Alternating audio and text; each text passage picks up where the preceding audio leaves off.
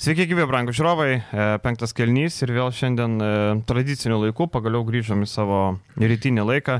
Vat man įdomu jums, parašykit e, komentaruose, kada žiūrit podcast, ar geriau, kai išleidžiam dienos metu, tai apie vidurdienį, pirmą valandą, ar geriau, kai vakare. Pagal skaičius atrodo, kad geriau, kad dienos metu, reiškia, visi darbė netu užsiemo, ko reikia. Tai vat parašykit komentaruose. Bet vakare vis da šoka į viršų kažkaip daugiau dasideda. Ne, ne, ne, pirmą valandą daugiausiai žiūriu, daugiausiai per pirmas tris valandas žiūriu podcastą. Ja? Nu, ir... nu, aš kiek pažiūrėjęs ten tos analizės jo. Nu, po, ta prasme, daugiausiai pradžioje pirmą tą tuntą, po to ten po truputį mm. taip eina jo. Tai vad, uh, futbolas, kaip sakant, uh, ilsisi, tai mes gavom vėl grįžti savo laiką.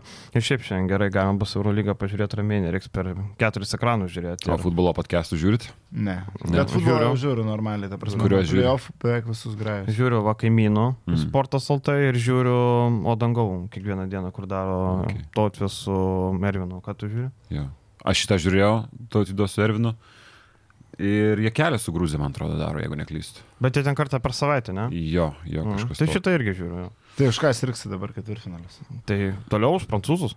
Aš tai nesirgu jau už nieką, nu gal anglai biški kažkiek, bet, bet aš vis tiek laikausi savo normos, kad brazilai turėtų pasimti gal. Nors šiaip jau Žezuso nėra jau dabar, tai nežinau. Mm. Na, aš sirksiu būtinai prieš kruatus, nors čia va didžiausia mano, didžiausias perversmas, kur aš anksčiau labai mėgdavau. Dėl vieno Loreno? Dėl vieno Loreno, man pilnai užtenka vieno žaidėjo. Ir Marokas man nepatinka vien dėl tų sirgalių, jų akcijų po, po rungtynių, po pergalės Ispanijoje, ten siaubė miestą, tai šiaip nemėgstu. Ne Ispanijoje. Uh, ir Ispanijoje siaubė. Labai mažai Ispanijoje, daugiausiai buvo Prancūzijoje ir Belgijoje kažkiek buvo. Mm. Mašinas degina ten begalviai. šiaip nesu didelis ir Portugalų fanas, bet jau teks turbūt ketvirtfinalį atsiprašyti Portugalų Portugalų ir pasirktų juos šiek tiek, kad išmestų tą Maroką ir tada pusinalį tegulios Angliją atbeldžia už visas senas nuoskaudas. Portugalai ir Brazilai geriausia, tokį akiai maloniausią futbolą rodo. O šiaip, e, ką dar norėjau pridėti, dar norėjau pridėti, kad nepamirškit paspaus like ir subscribe, aišku. Taip, aišku, vertinant mūsų darbą, matom, kad žiūrit, kad patinka, tai nu, nepagailėkit vis tiek. Daug kas žiūri, kurie neprenumeruoja, tai taip nelegaliai, tai nebūkit nelegalai ir legaliai kirskit sieną, kaip sakant. Bal, per Baltarusiją sieną nelegaliai, ne? Na. Tuo, e, bilotaitė. Bilotaitė. Gerai, e, ponai bilotaičiai, vakar Lietkabelis iškovojo dar vieną pergalę, ketvirta pergalė ir visos keturios iškovotos namie. Tvirta namų komanda 4-0 ir 0-3 išvyko. Ir vakar, na, ta Brešos komanda Nu, labai kukliai atrodė, dar traumų iškamuota, neturėjo dviejų žaidėjų, ir Petručelį nebuvo, ir... Petruselį, beje. Petruselį, jo. Pasirodo, jo. jo.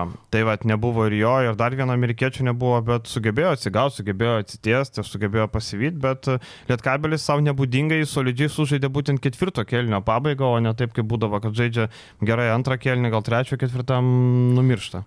Bet vėl buvo tas, tos pačios tendencijos, kad pradžia buvo labai gera, gera atrodė, kad nebus čia ką veikti prieš tą Brešos Germaniją. Tiek, kad Germanija pradėjo labai prastai rungtynės, ten tos klaidos išsimetant kamolį. Gal Germanai? Germanai. Tai paskui visai įsižaidė tą komandą, pradėjo pataikyti iš, iš toli, nors šiaip nėra kažkokia snaiperių komanda, jeigu žiūrėtumėm į skaičius Italijos čempionate ar a, prieš tai Europos turės varžybose, bet tas pats Masenburgas, dėl avalę pradėjo pataikyti keletą ir sudėtingesnių metimų, tai būtent tais tritaškiais jie iš dalies ir sugrįžo į rungtynės, bet Lietkabelis a, sužaidė kaip komanda turbūt brandžiausias rungtynės ir būtent vėl a, galima kalbėti, kad Nenado Čanako ranka jaučiasi. Ta prasme, jeigu mes žiūrim į kitas Lietuvos komandas ir matom, tarkim, ryte, aiškus lyderis yra Markusas Fosteris, Vilkuose, Ahmadas Keiveris viską tempia. Tai pasižiūri, Lietkabelį, nu tarsi Džemelas Morisas ir yra pagrindinis žaidėjas, bet 11 krepšininkų pelnė taškus, visi, kurie buvo aikštėje. Grantas Vasiliauskas, tik aišku, sugrįžo Želko Šakečiui, jau minučių nebegavo ir visi tą kažkokį vienokį ar kitokį e, indėlį davė. Net ir tie žaidėjai, ties kuriais mes kritikos nemažai nepagailėdavom. Sezono pradžioje Benas Griciūnas pradėjęs gana solidžiai atrodyti, ypatingai pastebėjus pirmose rungtinių pusėse. Atrodo gerai, vėliau po pertraukos jau netoks irgi. Prieš Germaniją per pirmus du kėlinius Golomanas ir Griciūnas verčia taškus 18, per abu surinko per du ketvirčius, po pertraukos jau tarsi perimetro žaidėjai perėmė lyderių funkcijas ir tarsi to ir užteko. Aišku, Šakyčius dar netoks, koks tikėjomės, koks norėtumėm, kad būtų sugrįžęs, dar šiek tiek matosi nekondicijoje, tie sprendimai, tie tos klaidelės, nors aišku, asistų kažkiek pridalina. Kiek jisai pridės, neaišku, čia, nes žaidėjas, kuris jau yra metuose ir tie metai, numatom, pakankamai stipriai po Aftodoro karjeros etapo jam kerta, bet uh, kažkiek atidavė tritaškių, jeigu pastebėjai Lietkabeliui, mm. tas įstrigo, kad ne visus juos susimetė. Ir man tie strigimai vis tiek asocijuojasi su tuo, kad Lietkabelis nėra tolygiai komanda tokiam aukštam lygiai, nepaisant to, kad e, Germanija komanda nu, nėra jinai aukščiausio lygio, nėra komandiškai, taktiškai labiausiai išprūsusi komanda, kurią treniruoja Džinaro Gatūzo, legendinis futbolininkas. Panašus, ne biškai? Panašus, panašus. Aš iš pradžių galvoju, kad ten jis yra. tai uh, labai Bet daug. italų treneriai visi tokie patys man pradėjo daryti, ten čia iš poceko gal tas manieras perima, ar čia jų temperamentą. Tai iš išvaizdos, ne? Manieros taip, bet čia grinai iš išvaizdos. Ne, tai bet Gattuso panašus yra. manieras pačiose. Tai e, labai daug komandinių klaidų, šiaip labai patiko, kad uh, labai patiko, kad tiko šitos rungtynėse Lietkabilio stepautas, kadangi komanda, kuri neturi gero pirmo numerio, uh, su agresyvų stepautu tą pirmą numerį išmuša automatiškai iš vėžių ir vėluoja labai perdavimą arba į kraštus, arba po krepšių. Tai Žalgeris, e, tas Lietkabilis labai gerai su tuo tvarkėsi, Griciūnas, Golomanas, dar kažkas spėjo sugrįžti visą laiką prie savo ginamųjų. Tai komandinė gynyba vėlgi labai geras ir svarbus buvo čia kamulio judėjimas e, puolime, kadangi, nu, kartais kreivai žiūrėjosi tie italų komandos miskomunikacijos elementai, kai du žaidėjai eina ant vieno, kodėl jie eina ten nesuprasi. Lipkevičiaus tie tritaškiai kraštuose labai gerai paieškotas su perdavimas, gerai suvaikščio kamuolys ir taip toliau. O kalbant apie Lietkabilio tuos bangavimus, aš nesitikiu iš tos komandos, kad jie nebanguos. Ar gali su tokia sudėtim komanda nebanguot? Man atrodo, kad jai labai sunkiai sekasi išlikti vienam lygiai, vienoje linijoje, kadangi nėra labai didelių individualybių.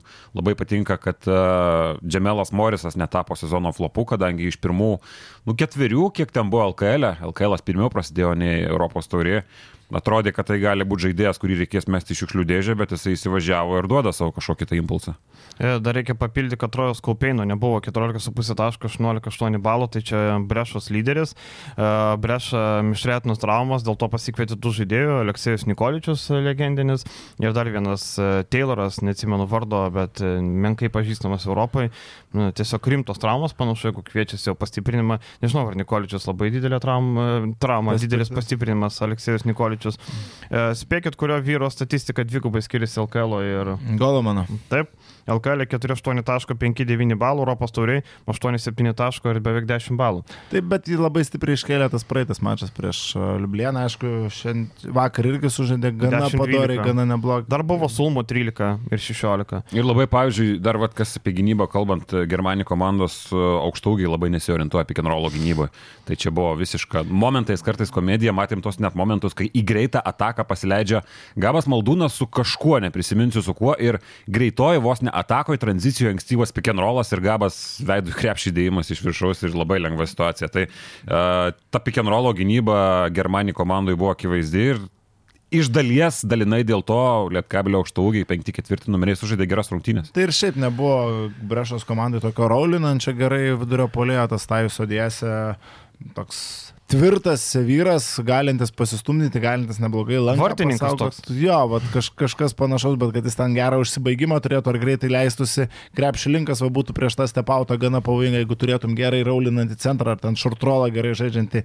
To jie neturėjo, jie turėjo žaidėjus, kurie gali susimest trajeką iš statinės padėties po driblingo, ten kai užsikūrė koks Masenburgas, aš tikiu, kad jis gali suleisti vieną ar kelis iš eilės tritaškus, be abejo, ypač kai dabar ta rotacija yra sutrumpėjusi ir jų vaidmuo yra išaugęs išaugęs, jie turi daug pasitikėjimo, jie turi daug minučių, daug metimų, tai tas pats Samadėjo Delavalė tarsi bandė traukti komandą, bet a, to neužteko, ką iš Lietkabelio dar norėčiau pagirti šiek tiek, tai Peno.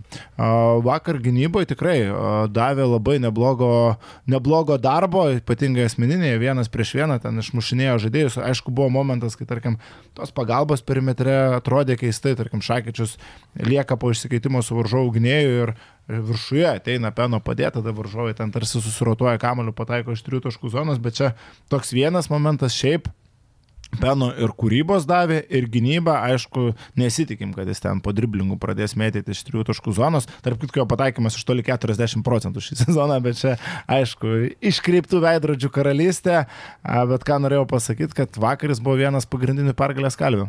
E, Vakar nustebino Klužo Napoką, sugebėjo Žuventutą paguldyti ant menčių. Dabar grupėje situacija labai įdomi ir Žuventutas, ir Bursas Poras, ir Lietkabelis turi po keturias pergalės ir būtent šie du varžovai yra artimiausi Lietkabelio. Išvyko Frūtis, laukia namie Žuventutas. Nu, pergalės tikėtis labai sudėtinga, ypač išvyko į Lietkabelis kažkodėl, sunku paaiškinti, kodėl išvyko į praščiau atrodo, nors matėm prieš Veneciją turėjo pergalę savo rankose. Uh, netikėtai grupė pirmauja Burgo Breso komanda 6-1, linkėjimai Mariu Leonavičiui, uh, kuris dirba šiame klube.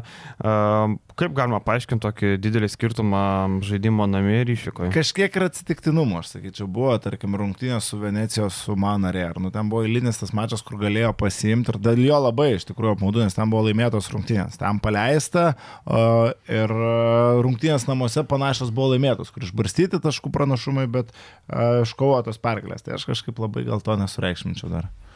Nu, daž- dažniausiai iš tos žemesnio lygio komandos turi tą sindromą žais geriau e, namuose, nes jos tiesiog ten daugiau turi galimybių pakovoti. Aš kažkaip daugiau su nieko nesuvedu iš tos situacijos. Buvo jo tų close game uh, svečių rungtynėse, bet man su tuo susiveda viskas. Bet šiaip tai dabar trūksta, kad į sceną panevežį žengtų Juozas Liesis ir tartų Lietkabelio atėjo maksimalių išbandymų metas. Jūs matėt, koks tvarkaraštis Lietkabelio Taip, Rytas išvyka, Bursas Poras išvyka, Žalgris išvyka, Žoventudas namie, Vulfs išvyka, Jonava namie, Prometėjai namie. Nu, dar po to Neptūną galima pridėti irgi prie ir Ulma. Nu, Neptūnas, kur išvyko ar namie? E, Neptūnas išvyka. Išvyko namie. Ir čia yra reikalai iki sausio 14 dienos, tai nauji metai nusimato, šventinis laikotarpis tikrai šventiškas. Ir Panevėžio. atkarpa labai gerai parodys, kas yra kas, man atrodo, žinai, jeigu mes iki šiol e, matėm, kad e, buvo geresnių atkarpų, buvo blogesnių, tarkim, e, tu Europos tauriai 10 rungtynių iš 13 pastarųjų laimi namuose, bet e, prieš Vulsus pralaimė ar ne, e, atrodo tokia tvirtovė, bet e, LKL nelaimėta, dabar pažiūrėsim, kaip seksis išvykose su tais pačiais Vulsais, prieš, prieš Žalgirį nieko nesitikiu, vat prieš rytą bus įdomu. Realiai pirmą lengvą mačą, lengvas rungtynės jie turės per mano gimtadienį sausio 28 dieną Prienuose.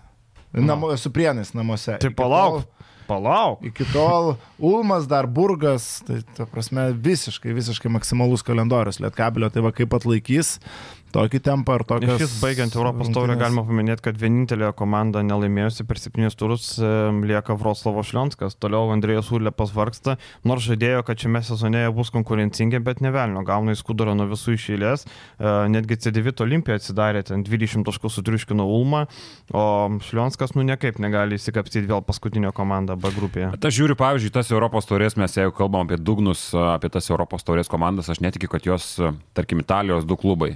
Brešos Germani ir Trento Dolomiti. Mhm. Nu, aš netikiu, kad jie disponuoja po 2 milijonų eurų biudžetais. Ir ap, ant kiek apie nieką tai yra komandos, neturinčios jokios atmosferos, neturinčios jokios ir galių bazės. Nu ir panašu kartais sudaro įspūdis, kad neturinčios jokios atskaitomybės prieš kažką renkant komandas, kadangi tos komandos labai dažnai yra kretiniai kažko, aš čia aišku labiau kalbu apie Trento komandą, dabar ten aišku yra Flakadori iš Bayerno, dar su kontraktu, taip pat Mateo Spaniolo, šauktas MBA naujokų biržo, ten yra kažkokių įdomesnių veikėjų, bet realiai tai yra kratiniai apie nieką komandos. Tai jeigu kalbant apie dugną, o kalbant apie kitos savaitės rungtynės, tai bus įdomu žiūrėti, na, nekartą mano minėtas podcastuose Bitima žaidžia vis dar Frutė komandoje, negavo kontrakto Eurolygui. Ir paskutinės praktiškai trejos rungtynės, kiek čia yra 27-28 naudos vidurkis, tai fantastiškai žaidžia, naudingiausias žaidėjas komandos. Bet va, dėl tokios Germanio komandos aš kaip ir sutinku, kad šiemet, nu, aš irgi nelabai čia matau kažkokios idėjos, matau krūvą krepšininkų. Bet ir pernai tas pats buvo. Bet pernai, va, kaip tik ir norėjau skaitai, Nazas Mitrulongas ištrauktas buvo būtent Brešos Germanė. Tai, Nu, tai jie turėjo- Dažnai gali iššauti. Nu, tai va būtent kaž, kažką ištraukė, plus sezono pabaigoje pasijungė Jonas Braunas iš Unixo. Nu, Bet tai pavyzdžiui, tu pasi- visai kita pasižiūrėk, lygi- visai praeitais metais sudėtis. buvo prašiausia Trento komanda praktiškai visoje Europos taurėje, net už Lionską prastesnė, galima sakyti. Ir šįmet jį vėl pradėjo penkiais pralaimėjimais šėlės, okei, okay, nukalė Tai sensacingai čia Las Brešos praėjusiam turė. apie- E, Čia Trentas, ko gero labiau.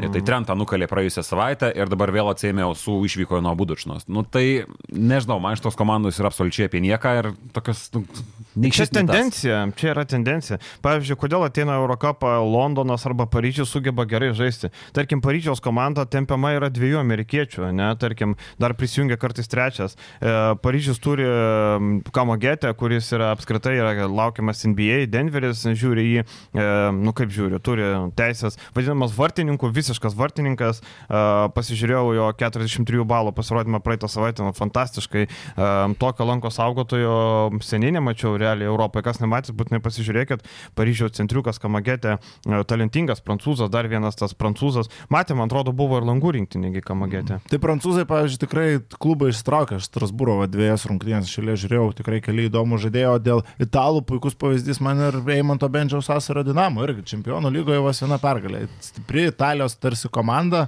bet tarptautiniam lygiai, nu, nieko nedemonstruoja. Dar pridėkim, kad ir Milano Armanė visiškai užstrigus, tai italų. Ne, paskutinio vietą. Iš nekokie metai kol kas. Ir man tai ten kiek- labiau atsitiktinumai iš kitos situacijos, Jo, iš kitos operos problemos, bet tarkim, tas pats. Trentas, jie labai atrodo, tie klubų vadovai orientuojasi į tai, kaip jų komandos pasirodo Italijos čempionate, kadangi, nu, tragiški tiek pernai pasirodymai buvo Europos taurė, tiek ir šįmet pradėta labai blogai su Emanuelė Molinu.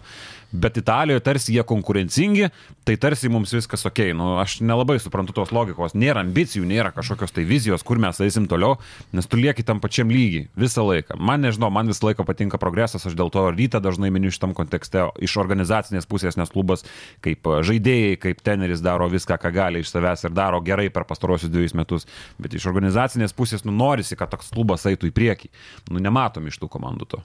Galima į toliau vakar, kaip pavadinsi, staigmena, sensacija. Jums sensacija mane, ne, kaip pasakytų Nerijus Kesminas, bet rytas, kai matai ketvirtinulį pradeda pralaimėjimu 8 taškais nevėžiui, ne dviem taškais ir e, Antram čia bus darbo. Šiaip reikia paminėti, nevėčiai žaidė be Bredo Davisono, kuris um, turi čiurnos traumą, Petrilevičius e, ne, nebėra ir nebus. Bet rytas taip pat laidžiai pasižiūrėjo savaitę, neturėjo rungtinių, turėjo šeštadienį žaisti su pasvaliu, bet dėl koronos nukėlė, turėjo laiko ir pasiruošti, ir pasitreniruoti viskam, bet atvažiavo galvoja, ai, nu ką čia tas nevėžys, ir va taip. Žinai, staigmena būtų, jeigu čia būtų pirmas jų pralaimėjimas, mm. nevėžė ir apskritai nebūtų trijų nesėkmių Lietuvos krepšinio lygoje. Dabar tu kartą jau gavai pliuchų, kaip sakė, nuo to nevėžė namie. Tai kažkokios ambicijos turėjo būti ir tu pasižiūri į nevėžio sudėtį, kurie jie žaidė, dar iškrito Danielius Lavrinovičius, nevėžės tritaškius, metė kiek 12,5 procento ir tu nesugebi laimėti. Nu čia kalbos apie, kad nenusiteikėm, neįvertinom varžovų, žaidėjai nekaip pasižiūrėjo, nežinau, man tai labai keistai atrodo. Prasme, Marius Valinskas žaidė 36 minutės. Rafa Rodrygešas žmogus, kurį nevėžės normalioje padėti prieš garždus rungtynėse naudojo vieninteliai atakai, tai yra, kad išeitų ir savo dideliu kūnu sutrukdytų išsimest kamolį garždams rungtynių pabaigoje. Jis turėjo vienintelę užduotį šitą mačią prieš rytą žaidė 21 minutę ir pelnė 8 taškus. Dar vienoje situacijoje išniekino, galima sakyti, Jarvį Williamsą. Tai rytas po tokių rungtynių ryto žaidėjai turėtų stipriai pasižiūrėti veidrodį. Aš tai fragmentais tokiais mačiau tas rungtynės dėl darbų, bet uh, nu, atrodė, kad tik vaizdžiai vieno koja atvažiavo šitą komandą ir man labai keista, nes nu, čia nėra kažkokios šūt grupės karaliaus Mindaugo taurė, kurios nieko nereiškia, čia yra playoffai, ketvirtfinalis, kur tarsi, nu, tu dabar realiai rizikuoja patirti tokį patį fiaską, kur kažkada patyrė prieš Būtent. praėjusį sezoną. Net, Ne praeitą, praeitą prieš Lietkabelį pusfinalį pralaimėjo. Tada užpraeitą prieš Šutiną iškrito ir Donaldą Kairį palio savo tada. Tai tu rizikuoji realiai tuo pačiu ir tokie žaidėjai kaip Vardis, tas pats Lekūnas, ant suolo laukiantis tarsi savo šansų, kuris negauna žaisti čempionų lygoje, čia yra nu, tavo scena. Nu, man labai keista iš to vietų. Rytas turėjo pilną rotaciją 12 žaidėjų. Visi, nu, Ada Šimonis, okei, okay, tarkim, ne rotacijos žaidėjus normaliuose rungtynėse, bet šitą mačą irgi gavo minutę, tu naudoji 12 žaidėjų, esi ne po kažkokios savaitės įtemptos, dar kažko tu turėjai visiškai laisvą savaitgalį, nežaidėjai rungtynių. Tai nežinau, man jokio pasiteisinimo nėra. Ir čia tarsi įrodymas, jeigu Markusas Fosteris nesužaidžia, tai ką, yra problemų žaidžiant net ir su nevėžiu. 3-11.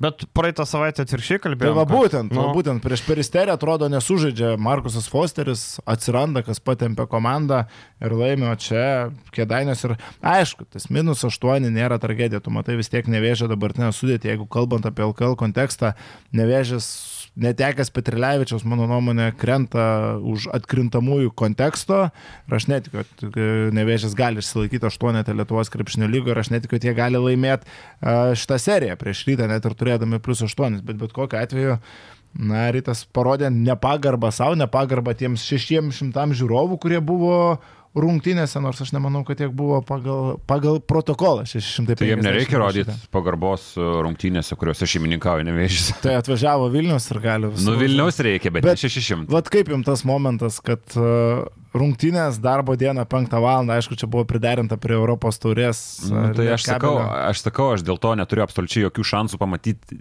cielas, kaip sakoma. Taip, bet nėra kur dėti, per teleką turi rodyti to septintą lietkabelį. Šitų rungtynių iš vis turėjo nebūti, jos atsirado labai neseniai, bet atsirado todėl, kad rytas turi tą langą sužaisti. Ar tie žmonės, kurie eina į rungtynės, tikrai turi būti stumiami į antrą planą prieš tos, kurie įsijungs? Ne, aš tai galvoju, čia, kad man prasme, čia visiškai nesąmonė yra, nes, pavyzdžiui, nu, aš iš savo pusės, kur aš jau realiai turėčiau žiūrėti iš savo darbo pusės, aš negalėjau niekaip, nes, nu, bet čia mano problemos yra, bet aš įsivaizduoju žmonėm, kurie, nu, tradicinė darbo diena trunka iki penktos valandos, ta biudžetinė nu tai kaip tu ateisi pasižiūrėti? Bet tai nebuvo net, net, prie, net prie televizoriaus. Net neteisi pasižiūrėti. Jo, jo. Net... Arba penktą, arba tada pusę dešimt. Nu, žinai, tai arba vienas, nu, arba kitas. Čia kažkas. Nu, bet telekas turėtų... turi parodyti, nu tai ką dabar daryti? Nežinau, manau, kad įmanoma išspręsti stumint ant, ant, ketvirtadienį, antradienį į LRT plus nustumint galų galę Lietkabelį. Tai pasirodė. E, į LRT portalą galų galę Lietkabelį rodo ir taip. Bet parduota, bet, žiūrėkit, bet, parduota, bet parduota ir telekas, e, parduota teliko transliacija kaip sakant, bet atkrintamųjų. Tai negali į portalą. Čia lanks, lankstumo stoka tokioje situacijoje, mano galva, bet kokia atveju. Man tai jokio skirtumo šiaip iš esmės. Tai tau, tai jo, nes tu nesi nevėžio didžiausias gerbėjas, kuris eina į visas rungtynės ir dabar tu esi įsivaizduok, nu tikras. Bet atėjo gerbėjai. Bet atėjo 600, kur... jeigu 600 ir ten gali tikėtis daugiau. Tai labai. Nebuvo. Bet tie, ta moteris. Žiūrėk, tu pasižiūrėk tribunas, kaip Svarbiausia buvo ta moteris, kur ateina visada. Tai reiškia, Audrė. Ar tu ne, būtum nevėžio fanas ir būtum gyvai nepamatęs nevėžio pergalės namuose prieš rytą? Nu, biški skauda. Agnelevižinė žaidimų prasuko dar ten ar jau ne? Prasko, ten dirba jinai. Dirba, dirba, mačiau vakar su Nėra čia kažkoks, aišku, dėlis priekaištas, tik aš sakau, kad nu, taip neturėtų būti, kad darbo dieną 5 val. vyksta rungtynės. Nu niekam nuo to nėra geriau. Tai kažkaip buvo labai įdomu. Yeah. Genelevičinė tendinų renginį paspaudė, kad gojink į finalinį ketvirtą. Aš tai buvau, nu čia per ankstiau, vakare va taip. Vakare va taip. Va taip, Audro Ginelevičius. Tai kai Jonas Mačiulis paspaus attending, mačiau bus rimčiau. Taip, Ginelevičius jau dalyvaus finaliniam ketvirtą šiauliuose. KMT, tai jūs irgi galite pirkti bilietus, čia nereklamuojam šiaip. Ten sutiksit ir Audro Ginelevičius, ir Milašių, ir visus kitus šulus Lietuvos krepšinio. Šiaip įdomu, nevėžės stiprinsis po Petrilevičius. Taip, taip, žinoma. Turi, ta prasme, tu neturi kur dingti šitoje situacijoje, tu net rizikuotum labai stipriai savo ateitim playoffuose, galbūt aš nežinau, ar jie ten e, galvoja patekti, nu tikriausiai galvoja, bet nu, be Petrilevičiaus pakaitalo iš toje situacijoje nu, neturi jokių šansų. E, dar galima pridėti Nevėžės ir apie Petrilevičius. Nevėžės tampa kartais tokių grandų nepalankių varžovo. Lietkabelis turėdavo fobiją, vis pralaimėdavo Nevėžiai. Nevėžės, atsimenu, su Kiltinavičium dugne buvo trys pergalės, dvi iš jų prieš Lietkabelį. Dabar valėt, nu, sugeba tapti rytų nepalankių varžovų. Girdėjau, kad vakar ten skambėjo e, Kedainių arenos sienos nuo žibėnų riksmų ir kiksmų. Bet normalu, nu, bet čia... čia normalus taukt. Ir žinai, prisėmė atsakomybę, čia nenutikė komandos, nu tas toksai, nežinau, nu taip, čia toks šaro, atsimeni, būdavo, ai, čia aš nenuteikiau, čia aš nepadariau, bet kiekvienas žaidėjas turėtų pažiūrėti veidrodį, nu tu atvažiuoji žaisti su nevėžiu ir tu taip e, rungtiniauji, nesimatė nei didelio noro, nei nieko, ten vakar dar teisėjų buvo keletą tokių dalykų, nežinau, ten nuskynė, lėkūnas grubiai žagarą davė techninė už vaidybą, nu kokia ten vaidyba. Nu gerai, aš nebejoju, kas ten vakar teisėjavo, palauk, neatsimenu, kas ten vakar. Gvidas Gedvilas, Vitkauskas, Kairys, nu, nu ne Donaldas Kairys, Davidas Kairys. Naujas teisėjas, LK. Ja. Pažįstu. Mano kraštietis. Su manimo į tą sportavą. Mano kraštietis su krepšinį lankė. Jeigu kas nors norės nuploti teisėją, tai žinokit, nenuplosit lengvai. tai va, ir duoda tą techninę, nu labai, labai keistai atrodė Žagaras, ten galvoju, gali, gali būti kaip Lekavičius, kas nors panašaus, bet gerai, kad grįžo ir rytas visiškai be energijos, be noro, bet tai lietkabelį bloga naujiena. Šeštadienį Jeep arenų rytas išėjęs visai, visai su kitokiu nusiteikimu. Dar vieną bet dalyką. Nebūtinai mes už šį sezoną matėm, pragauna nuo Jonavos, paskui gauna nuo Kedainių. Nu, ne, žinai. nuo Kedainių irgi, irgi sako, taigi jie gavo nuo Kedainių, išė, turėjo išeiti mūsų draskyti, o išėjo tais pačiais numirusiais. Man tai kažkaip sakau, aš nežinau, man tas nusiteikimas, nenusiteikimas. Gal treneris kažkaip turi priminti, Hebra, čia yra, nu, playoffai taurės, kur realiai, nu, labai svarbus mačas, bet iš esmės tie nusteikimai čia yra sportinių ambicijų neturėjimas, e, treneris neįkals tau į galvą, kad čia yra nu, nuteikta. Aš, ta, tarkim, nesuprantu Europos čempionatuose kažkur, nesvarbu kur, Nu, bet futbolas. žiūrėk, pavyzdžiui, Barça nuvažiuoja prieš Obradoirą. Nu, nežaidė Barça Eurolygos fiziškumo, nežaidė Eurolygos Bet, intensyvumo. prasme, aš mačiau tas rungtynės, Barça nieko, ne, ką, ką treneris gali iš toje situacijoje padaryti, kai susikūrėmi yra metimai, jie nieko nepataiko. Jie metai vienu momentu 4 iš 28. Iš tų 28 tritaškiai 20 buvo laisvi visiškai, galiu garantuoti. Nu, man yra absurdas. Yra. Aš nežinau jau, ar čia yra nenusteikimas nepataikyti į skylę. Aš apie nusiteikimą galiu kalbėti, kai tarkim Žalgris po dvigubos Eurolygos savaitės atsibeldęs su Barcelona, atsibeldęs ten su Milanu, paskui po dviejų dienų važiuoja į pasvalį ir po keturių jam vėl reikia žaisti su Madrido Real. Nu, aš galiu suprasti, kad kažkas nenusteikė, bet aš nesuprasiu, kai komanda turėjusi laisvą savaitę. Šitam kontekste, Šitam taip. kontekste Aš irgi nematau jok, jokio Tu kovoji dėl savo vieno tikslo ir apginti KMT titulą, tai jų yra tikslas. Tai Neapgint, neapginti, iškovot. iškovoti, sorry, LKL apginti. Jo, tai jie nori žaisti finaliniam ketvirtį ir tai pasižiūrėti, nu labai keista. Bet šiaip jeigu rytas kažkokiu būdu neišeitų į Final Four, nu čia būtų didelis smūgis iš tikrųjų. Taip. Ne, aš pabūsiu ketvirtui- ir sakysiu, kad suvalgys Aš irgi tą patį antram atsakomosios rungtynėse, bet, nu, Jau, nežinau. jau, jau iš dalies negerai iš finalinio ketvirto, kad Žalgiris su Vilkai susitinka ketvirtfinalį. Nu, re, realiai mažai šansų, kad Vilkai bus ketvirtą, o tarsi ir norėtųsi, ir jų e, tarp keturių stipriausių komandų, tarkim, išsiaiškintų jie, kad bent jau su Lietkabeliu, tarkim, tarpusavė ketvirtfinalį dabar. Na, aš kartu su Žalgiriu ir tu, ga, aišku, gal ir Žalgiris neišėjai, čia dar palaukiam. O apie Kedanius baigiant, tai Petrilevičius išvyko į paskutinę Lenkijos komandą.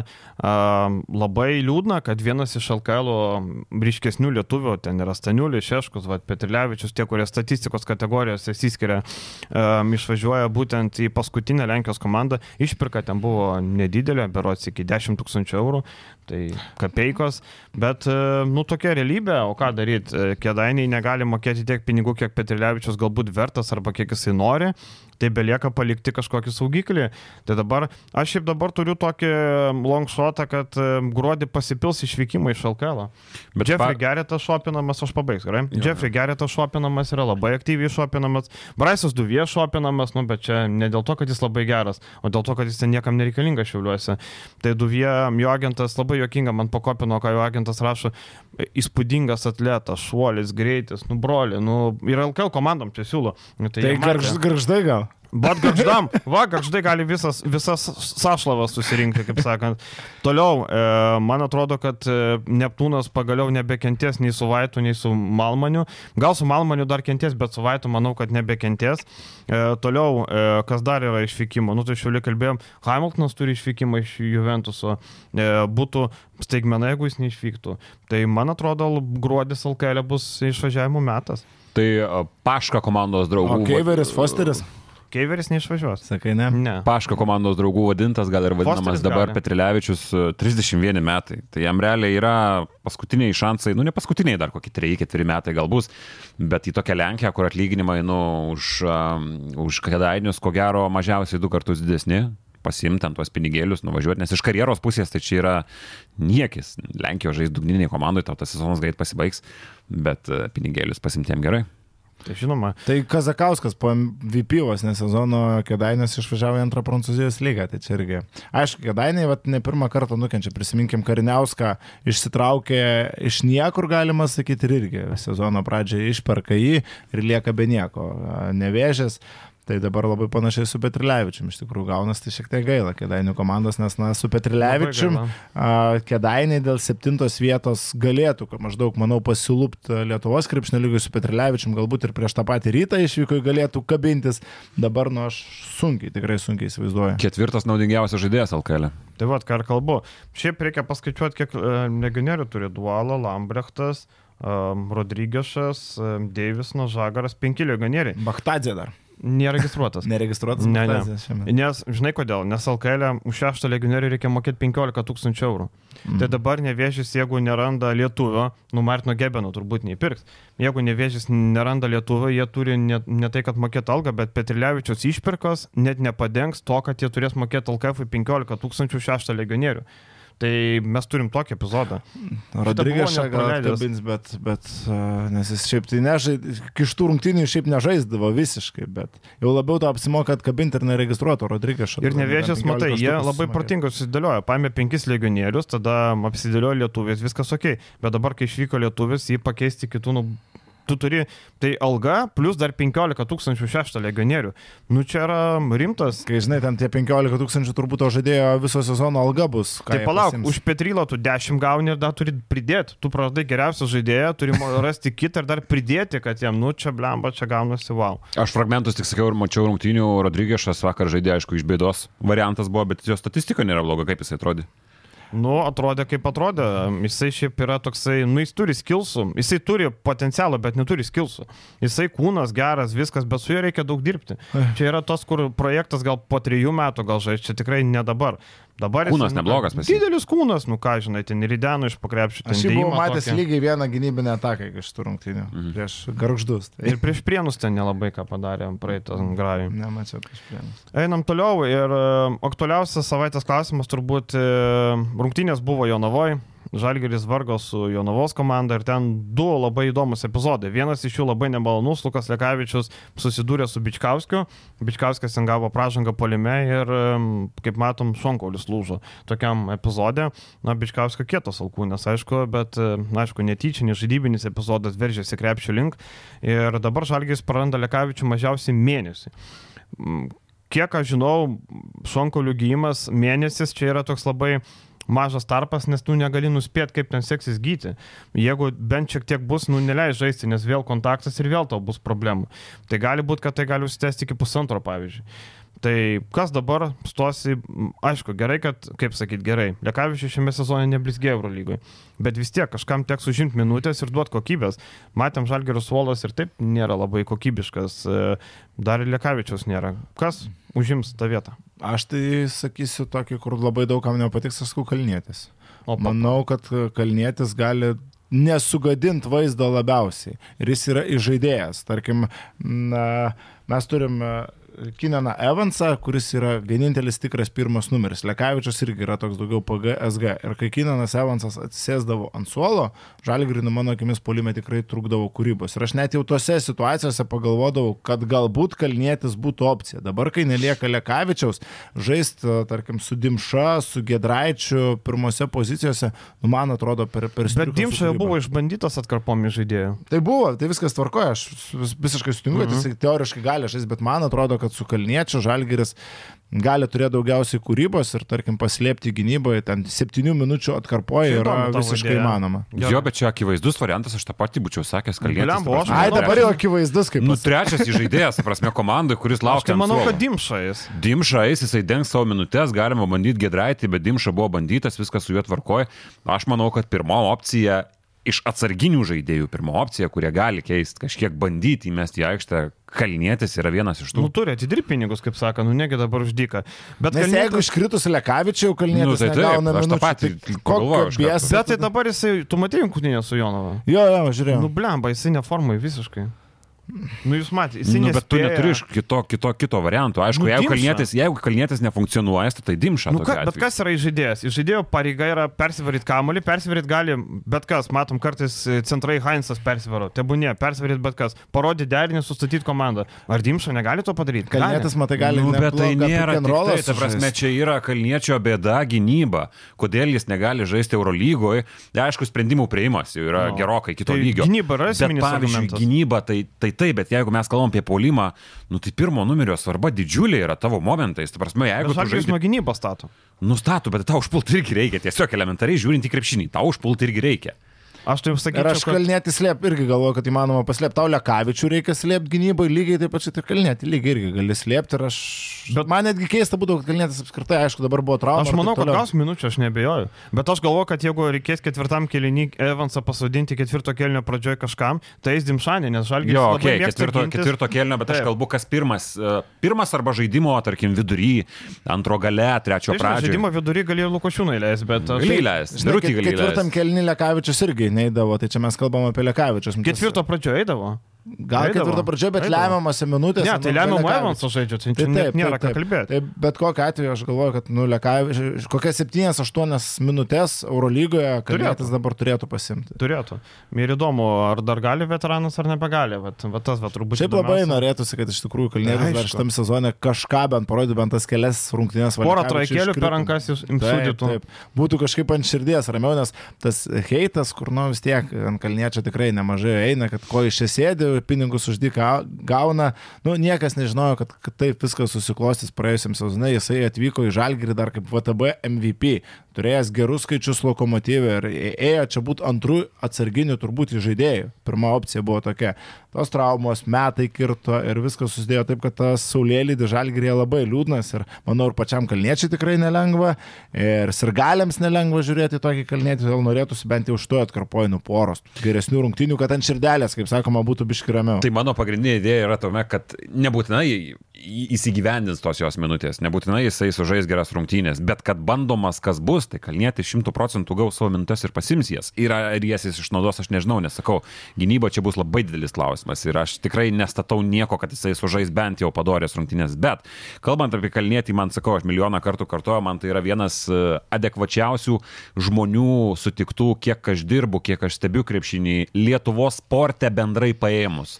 Labiausiai apsišvietusių savo srity, labiausiai komunikuojančių, matėm tą momentą su fanais tame tragiškame žalgiai praėjusiais metais, kai net ne jis komandos kapitonas, bet kažkodėl išstojo būtent Aš tik prisimenu Milaknutą. Nu, nesigauna, darom. Jo, jo, ir ta prasme, gal tu pasitrauk iš šoną, aš papasakosiu Hebrai, kaip viskas yra. Tai labai gaila dėl to ir heitas galbūt, nu, yra kartais pas mus nedekvačių dalykų, kaip heitas buvo Domaičiui kažkada dėl, dėl tam tikrų priežasčių, dėl, dėl to kalniečiui, dėl ko, kad jisai savo pinigus pasiema, kad jisai savo kontraktą atidirba, kad jisai daro, kas nuo jo priklauso, nu, kodėl jis turėjo nusitraukti kontraktą su žaliu, kodėl. Taip, dar apie kalnėtį kalbant, prisimenant rinktinės situacijas ir pat, pa, lengvia, le, sunkiausia kalbėti apie tas nemalonės situacijas. Dabar Lietuvos rinktinė, kai pralaimėjo ir ispanams ir iškrito iš Europos čempionato, visi nuleidę galvas, tipeno ir niekas nelabai kažką galėjo kalbėti. A, Lietuvos rinktinė gauna namie nuo slovenų, kalnėtis ramiai, viską atkalba kaip turi būti, kaip tikras kapitonas turi elgtis tokioje situacijoje, nors jam tai buvo paskutinės rungtynės rinktinė, jam ten galvoti, kaip tik vyrė šūdas, kaip sakant, aš įsivaizduoju didžiausias, bet jis Prisiminkim, kad nekalbėjo beveik niekas, Sabonis ir Kuzminskas, e, kur Vokietijoje. Taip. Taip, taip, taip, o čia kalnėtis tokioje situacijoje, kuris pats buvo maksimaliai emociškai turbūt išsekęs po to pralaimėjimo slovenams, tą vyriškumą demonstravo ir už tokius dalykus, nu bent jau aš pagarbą žmonėms labai stipriai. Valančiūnas. Valančiūnas, nu ką aš pasakysiu? Nu ką, pasakysiu, nuėjo. Nu, Ką aš žinau, ką pasakysim. Tai kalnėtis rado, ką pasakyti, ir atsimenu, net Kusminskas irgi rado, tai mes jau kalbėjom, kad mes Mhm. gyrėm, kad e, ką kapitonas darė, ką ne kapitonas, čia aišku. Dar vienas įdomus dalykas, kai Jonavoje, Ignas Brasdėkis LKL rungtynėse negali žaisti, matom. Ignas Brasdėkis plaunamas Vytauto Šulskio, nu atsiprašau, Vytauto Šulskis. geras žaidėjas, prašyčiau. Ne, aš Trys apie prieš greitį. tris, vienas Palauk, aš apie greitį. Aš apie greitį. Vytauto Šulskio greitis, nu, jo stiprybė tikrai negreitis. E, Vytauto Šulskis niekada nebuvo greitas žaidėjas. Dabar irgi nėra greitas, bet jis sugeba aplenkti Brasdeikį. Man, man labai įstrigo vienas epizodas, kai Brasdeikis ant Arno Butkevičiaus ten užsipuolė, prieš veidą suplojo rankom. E, Ten labai įdomus epizodas buvo. Seniai nemačiau, kad komandos draugas, komandos draugui prieš akis suploto rankom. Ten labai o tai įdomus prieš veidą. momentas buvo, okei, Ką okay, tai aš reiškia, galvoju, atsibusk, ar ką, ką čia reiškia, kas čia per plaimas prie veido, nesu matęs tokio dalyko. Tai šiaip Brasdeikis labai ilgai sėdėjo ant suolo, tik 12 minučių žaidė apskritai ir nežaidė, akivaizdu kodėl, nes nesigina. Ir Ar vienas iš penkių? Ne vienas iš penkių, taip, vienas iš penkių metimai, vėl e, jisai ieško, man atrodo, kad Brasdeikis išėjęs į aikštę sako, man reikia mesti, man reikia mesti, jisai žudbūt nori įmesti. Jisai kažkaip, e, čia tas toks būna virusas, kur jeigu tu esi komandoje, nu, metikas pagrindinis žaidėjas, jeigu tu neįmeti per pirmas ten 2-3 minutės metimo, reiškia tavo čia labai blogai, reiškia čia, man atrodo, jisai turi suprasti, kad jisai nebūtinai turi vien mesti, tu gali sukurti epizodą, atiduoti asistą, apsiginti, jau tai bus gerai. Jis užsiciklinęs, man toks įspūdis, per daug ant savo asmeninio rezultato, ant savo asmeninio žaidimo, nei kad ant komandinio. Tai po truputį pradeda ryškėti. Toks įspūdis, kad jam vos negeriau, kad aš gerai sužaisiu, bet komanda pralaimės. Aišku, tikiuosi, aš klystu, bet to, toks įspūdis, tokia nuojauta stebint jo žaidimą, na, man šiek tiek peršasi į galvą. Tai gali būti normalu, jeigu jis nori NBA, tiem skaičių reikia. Jeigu jis nori grįžti atgal už Atlanto, nu su dabartiniais skaičiais Eurolygoje negrįšiu už Atlanto, sorry, bro. Tai ir Eurolygoje kažkokio įspūdingo kontrakto negausi. Tai Jokio negausi. Aišku, faktas, kad džiaugiasi su tom pergalėm, čia tikrai ne, ne, nesureikšminkim taip stipriai, bet kad jam rūpi labai jo asmeninis rezultatas, kas iš dalies kaip ir normalu, tai irgi faktas. Ir jis šiek tiek dėl to pergyvena būtent dėl savo skaičių, dėl savo per menko galbūt vaidmens žalgeris mato Kinanas Evansas, kaip juda šalia, atvykęs lygiai su tokiam pačiam užduotimi žalgerį ir kaip jis atrodo tam pačiam kontekste. Ir mato, kaip suprantam. Kevanau juda. Manau, irgi paėda. Ir Kazys Maksvytis, aišku, iš jo gynybinio žaidėjo nepadarys. Ten, aišku, buvo netiesioginis toks pasakymas po tų rungtynių su Pau, kad noriu 12 sustabdytų gynybų, o ne 12 išmestų metimų. Šiaip jau tai yra žaidėjas vis tik pirktas polimo į komandas, kad jis darytų tuos taškus, o ne sustabdyti, sustabdyti gynybas. Bet uh, išaiškinti mentalitetą, mintį Ma- Maksvyčio supratau ir tai yra pakankamai tiksli mintis. Vėl pasikartosiu, tie pokalbiai vyksta labai dažnai su juo apie tas jo situacijas polime ir kaip jis atrodo kol kas. Nu, okei, okay, mes kalbėtume apie žaidėją už 180 tūkstančių, už 200 tūkstančių, bet nekalbėtume už vieną brangiausių komandos žaidėjų, jeigu jisai taip atrodo. Tai, tai yra blogai. Ir šitas komandas, šitas žaidėjas jau būtų pravytas su basliu kaip šuo, jeigu jis neturėtų Lietuvos pilietybės. Ir žinai- Čia faktas. Nu, nebūtų gal dar pravytas, bet uh, žinai, kas, sak, sakai, nepadarysi gynybinio žaidėjo, dėl to man iš dalies ir pikta. Ta prasme, jis turi visą, visą potencialą būti labai solidus žaidėjas. Geras kūnas, ilgos rankos, reikia biški čia va daugiau ir pastangų. Bet ne kas visi yra turi čia. gynyba? Tautvydai, ne visi turi čia. Nu, pat išmokstama, nu, krepšinis nėra, nėra raketų nėra. mokslas. Taip Labai lengva pasakyti, nėra. Jis yra grina kraujas, grina veislis, polimo Nu, žaidėjas. Jis nesiorientuoja labai stipriai į gynybą. Jis gali gintis, jis galėtų gintis. Aš manau, prie gero trenerio jis taptų uh, neblogų gynybinių žaidėjų. Mes Pašarą pamatę jo tokių... Pašarą ten jam. Būtų- jis verktų, man atrodo, kiekvieną Eik vakarą. ten į paklodę, dievuliau. Tra... Čia aš jau mazochizmas kažkoks. Perbalus į brazdeiką veidą ir šaras taugiant jam į akis. Kaip tyra, tyra vaikelį nuvedus kažkur pas velnę, nežinau. Tai dievuliau ten būtų. Fū. Bet Bet, nu, tiesiog toks žaidėjas yra, ar mes. Gal Kevanau reikia varyti su Basiliu? Gal nieko nereikia varyti, žalgeris Ne, turi dar daugiau pergalių nei pralaimėjimų. Bet klausyk, bet nereikia- būsimas tvarkaraštis, kai mes kalbėjome apie Lietkabelio tvarkaraštį, mes galime apie Žalgerų Eurolygos tvarkaraštį pakalbėti, pasižiūrėkit. Anadolų rytoj. E, Dvigubą savaitę išvyka Belgrado Cervenas Veza, kur nepralaimė su ponu Ivanovičium. E, toliau, Realas namie, namie Bairnas, išvyka Monakas, namie Feneris, išvyka Bolonija. Nu, blemba, nu, dalykai labai rimti laukia per pastarąjį mėnesį ir čia gali labai greitai, žinai, ta trapi riba labai greitai gali ba- pasibaigti. Tai čia... Žinai, Bet tai žalgiriui, žalgiriui nėra lengvo tvarkaraščio, nes Taip. tu paminėjai Bayerną, Virtusą iš tų komandų, kur, nu, tarkim, Ne, žalgiriui. aš tiesiog pastarąjį mėnesį pavardijau. turi būti pergalė tiesiog. Turi Viskas būt. čia. Turi tai, tai aš manau, kad... Prieš Pau irgi turėjo būti, ne?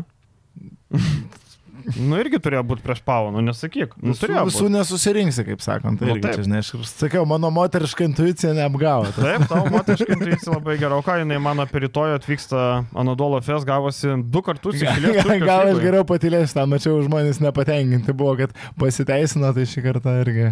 Nu nebus tos pergalės prieš. Anadolų, nu nebus. Nu nereikia, reikia būti realistam, nu ką dabar. Nereikia kurtis vilčių, kad čia pralaimėjo Atamano kareivėliai dabar vietiniam fronte du mačius iš eilės ir čia jie kažkokie įsijungia, jie gali įsijungti bet kada. Čia tokia komanda, kuri nori žaidžia, nori ne. Ir instrumentai ten yra pakankamai įspūdingi. Šiaip klausimas, kaip su Klaiburnu seksis tvarkytis, nes pastaroji jo atkarpa yra, nu, žvėriška, visas sezonas yra žvėriškas, geresnis nei visų CSK laikų pikinių savo formų. Dabar į tikrą piką jie eina Klaiburnas ir kas prieš jį stovės, ar vienam penkite matysim Butkevičių. Jau čia prasdėkiai reikia ant Klaiburno leisti, tegul dirba. Užmetam prasdėkį ir tegul kenčia. Tegul dirba, nu. Vanoji, žinai. Dešimt atakų. Arba Mica, arba Mica, ant Micos metam. Bet- Maksvyčio mastermindinis jam būtų reikės pastatyti ant gero žaidėjo, kad gautų taškų ir čia kaip su, su Botagu Vanodžinai, kesk šunie, kesk. Bausmių, kur ten palauk. e, Gėdos kelias. Jo, kur duoda rykščių, kurioje čia valstybėje Irake rykščių bausmės duoda, kažkurioje ten toj e, musulmonų valstybėje, tai čia irgi rykščių, kad gautų. Bet šiaip tai reikia pažymėti, kad rungtynėse prieš e, Pinar Karšijaką Kuzminsko komandą e, žaidė daug minučių ir Micičius, ir Larkė, ir šitas, ir, ir Klaiburnas.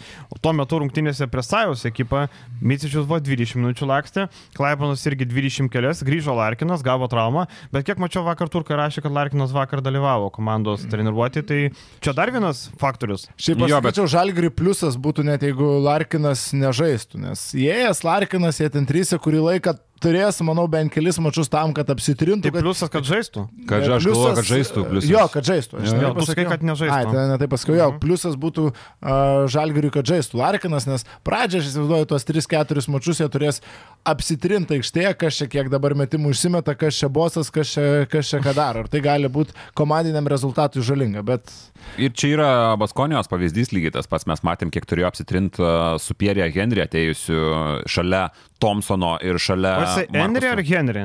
Nes būdavo Terry Henry. Ką žinai, aš tai nežinau, žinau. Bet jis ne prancūzas. Ne, Pierre Henry, jisai tiesiog. Ja? Henry. Aš sakau, Terry Henry. Henry būdavo be H. Nu, nes, Nu, nes prancūzas. o Bet čia tipo Pierre su H. Henry. Henry, jo, jisai sako Henry. Pierre Henry, jo. jis- Tai buvo ta pati situacija, kai atėjo šalia Howardo ir Thompsono Pierre Henry. Ir dar pirmos rungtynės buvo pačios su Vilerbano Sveliu, kur niekas nežinojo tų minučių skirstimo. Penjeroje buvo šiek tiek pats pasimetęs rotacijose. Ir jie kentė, kokias ketverias rungtynės suskaičiavus ir Endesos pasirodymus, jie kentė. Tai čia galbūt galim tikėtis labai panašaus scenarijos. Plus, aišku, rankos, metančios rankos trauma, nervinė kažkokia trauma. Tai yra nu, rimti dalykai, po kurių tu taip lengvai ko gero metimo net gausi. Tai čia yra faktas. O tai Jo. yra žaidėjas nuo metimo priklauso. Juolab, kad dabar Rodrygas Bobuo visai neblogą krepšinį žaidžia, automatiškai grįžta Larkinas, Bobuo iš vis stumėsi vėl į to, Du mačai labai gerai į pastarėjai. to, į to rolinio žaidėjo funkcijas, ko jis jau galbūt irgi nelabai nori, tai vat, tos disharmonijos Larkinas kažkiek gali, nes aišku, tai yra aukščiausio lygio žaidėjas ir kai komanda susiklijuos, o anksčiau ir vėliau ir su Larkinu susiklijuos, tai nu bus sunkiai sustabdomas žvėris. Ir ką dar galim pridėti iš to mačo, aš tai pergalės nesitikiu, bet aš tikiuosi, kad Žalgeris parodys kovą, koncentraciją nuo pat pradžių, kad nebus kaip su Alba, nebus kaip su Pantnaikosu, kad paleidžiam 20 akių ir čia bandom kažką. Reikia, tikiuosi, kad bus gera kova. Pirmos geros pusės labai reikėtų, gali Mhm. pralaimėti, bet nereikia 25-51 rungtinių dalies ir tada grįžtam ir oi, kaip čia neužteko jėgų, oi, kaip čia nelaimėjom, kaip prieš Panatnaikos. Nu ne, nelaimėjom, nes Panatnaikos visas rungtynės geriau žaidė ir neužtenka pusę kelinio ausų žaisto, aš iš tų rungtynių norėčiau brasdeikio, normalaus žaidimo, bet reikia jo psichologinio Ir tai atsigavimo. yra Kevanau. Nu, Kavanau, galbūt irgi, bet Brasdeikio, nu mes matėm sezono pradžioj a, tikrai neblogų jo blikstelėjimų. Aš galvoju, kad ir skautingas kažkiek pradėjo veikti, dabar Brasdeikiui, ta prasme, niekas nelabai žinojo, kiek ties jo galima rizikuoti, kiek negalima. A, dabar visi tiesiog rizikuoja iš trijų taškų zonos. Bet jau Tel prameta. rizikavo irgi. Taip, bet Na nu, per faktas, kad medžiagos dabar yra daug daugiau, negu kad buvo sezono pradžioje. Nu, iš G lygos, nu, tu ne visai pasimsi kažką iš Europos čempionato, kurio funkcijos buvo visiškai kitokios. Tai dabar Ignas Brasdeikis yra išskautintas iki kaulelio ir tai irgi šiek tiek prisideda. E, Matome, Eurolygoje toliau šurmuliuoja turgus, kaip sako Kaziuko. Nu. Dar vieną prisiminiau apie Kavanau, pasakai. Nu. Nu. Jeigu Virginijus Šeškus, jo navos komanda pasako, kad Kavanau yra žaidėjas, kurį, reikia, kurį mes atakuojam gynyboje, nu, tai šį beitą irgi pasako. A, LKL klubai senais laikais prie žalgrį neturėdavo žaidėjų, a, kuriuos atakuojam ir kuriuo, per kuriuos bandom laužti. Jeigu Kavanau antrą sezoną išėlės Bet tu taikinys. turi ieškoti per kalaš, nu kitaip neturi ką. Bet tai daryt. daugiau simbolinė, aš atsimenu, Krivelaitis dar dirbo tuo metu Prienuose ir e, prie, prieš praeito sezono vienas rungtynės kalbų, sakau, maždaug ką čia pasižiūrėjo, kaip čia ką. Nu, sako, anksčiau tu irgi pasiruoždavai, kad va per čia galima mušti, kad čia gal čia šitą išnaudosim, bet sako, dabar mes turim Kavanau, kur mes tikrai žinom, kad mes jį galim atakuoti ir mes turim realų pranašumą prieš jį žaidžiant polime. Nu, tai aš nežinau, kiek per metus ta situacija pasikeitė, jeigu Virgis dabar praktiškai tą patį sako. Nu, Tu su Garė tu dar žaidži, žinai, kol dar jisai yra komandoje, tai dar tas labai stipriai duoda, kad tu toj, nu, toj vietoje tu turi savo žaidėją, kuriuo gali žaisti. Pakankamai kietą žaidėją šiaip jau. Jo, tai grįžtant prie Eurolygos turgaus, Fa- Fa- Fakundo Kampaco gali nutupti arba Belgrade, arba Madride. 4,3 milijono pasiūlymas iš serbų. Iš kur tiek šaibų pasarbus man taip Nu, labai tai va, įdomu. labai čia įdomus aspektas. E, Partizano prezidentas nesiniai verkė, kad su pinigais strioka. Ir Partizano atveju aš matau, jeigu tu Bradzenskį perki, tai tikrai tau strioka su pinigais, kurį paleido turkai. Bradzenskis praeitą sezoną neblogai žaidė žuvintutė, viskas gerai, bet tai yra pigų žaidėjas šiuo metu. E, Serbai rašė, kad iki sezono galo jis gaus ten 120 ar 130 tūkstančių. Tai tu pigiau negali tikėtis Eurolygai nusipirkti. Lukošiūnas daugiau uždirba už Bradzenskį, nu tai ko jūs norit. Bet Cervenas Vesda 1,8 milijonų šį sezoną ir e, 2,5 kitam sezonui. Nu, įspūdingi pinigai. Įdomu, ar kampa... Bet dabar realas turi tar žodį, arba jie mečina, arba ne. Pat įdomu, ką dabar darys realas. Realo vietoj mešiu pinigus. Pliusas realų yra tas, kad Cervenas Vesda tarsi nėra jų konkurentas. Jeigu Kampaco norėtų pasimti kažkas iš topinių ekipų, manau, jie būtų dar labiau suinteresuoti, kad neatiduotų šito žaidėjo pagrindiniams varžoms. Dabar ar su Kampaco Cervenas Vesda tampa top 8 komanda? Ten gynėjų užtenka. Va būtent, aš nežinau, kiek Kampaco pakeltų Cervenas Vesdas lygiai taip staigiai už tokius pinigus. Realui tai būtų dar vienas lokas ir taip perpildyti tą sudėtį. Ir... Čia praba, realų, yra, realų yra visiškai prabangos prekė. Šiaip kalbant apie tas prabangos prekes už tokią kainą, labai daug a, kalbama Serbijoje, kad Partizanas turi krūvą žvaigždžių. Servenas Vesda turi labai daug kirstukų, aišku, dabar prisijungtas Luko Vildoza, yra keli kiti žinomesni vardai, bet tarptų dviejų komandų yra tokia didžiulė konkurencija, kad Zvezdos vadovai mato, kad kita komanda turi žvaigždžių, mes irgi turime pinigus ir kažką pasikvies, kad mes paskelbtume savo akcijas. Nu, toks matavimasis, kaip čia pasakyti, Organais. Gražiai, jo, lytiniais organais matavimas. Paliukais. Taip, nu, čia labai taip. O realui tai yra nu, tu absoliučiai kalbi, nu? prabangos prekė. Tai yra žodis. įsigydžius traumas Anthony Randolfui, Karlosui, Lusenui, Adamui Hangai. Čia 16 žaidėjas jau būtų jų sudėti. Čia yra absoliučiai prabangos dalykas pasimti. Bet jiem iš žaidėjų reikia. Jeigu realas nori laimėti Eurolygą, jiem jie tada kažką katint reikia. Tai nu kažkas katins. lieka nepatenkintas. Paskolink Aloseną, paleisk e, dar ką nors. Nu, aš nematau su Viljamsu Gosu, ar jis mato, ar su Jūlu ti- 51 metų įmanoma laimėti Eurolygą. Nemanau. Kad jiems trūksta talento perimetre, aš irgi sutikčiau. Ta prasme, sudėties yra, bet uh, tie žaidėjai, nu, nėra elitinio lygio, kalbant apie kuriejus, apie pirmus numerius, o Fakundo Kompaco ten pakeltų iš visi kosminį lygį. Aišku, jiem labai reikia gilios sudėties uh, Ispanijos lygai, nes čia, kad Barsa gauna į Kuprą nuo Obradoiro, nėra visiškai jokios staigmena, nes krūviai Ispanų komandom yra milžiniški. Bet Tai anksčiau jie- gaudavo Barsano Brodoiro. Nu tai gaudavo nuo Badalonos, nu, tai visada nuo kažko gaudavo. Pastaruosius, pastaruosius metus visą laiką gauna Barsai Kuprą nuo kažko. Visą laiką. Niekada nebaigia sezono su vienu pralaimėjimu ar dar kažkaip. Nu, tai visada ten tų sensacijų būna ir panašiai, nes nu, tiesiog tu žaidi su gerom komandom Eurolygoje. Ir su pakankamai neblogo lygio komandom dar keliauji kažkokią šiknalą spalmę, ten dar vienas skrydis. Tai visą laiką tai būna. Tai Ispanijoje gilę rotaciją turėti yra didžiulė prabanga ir akivaizdu, kad Realas atėjo iš tą sezoną su tą mintim, nes dabar jie savo sudėti turi pff, 16-17 žaidėjų, skaičiuojant su tuo pačiu Eli Inžai 18 mečių.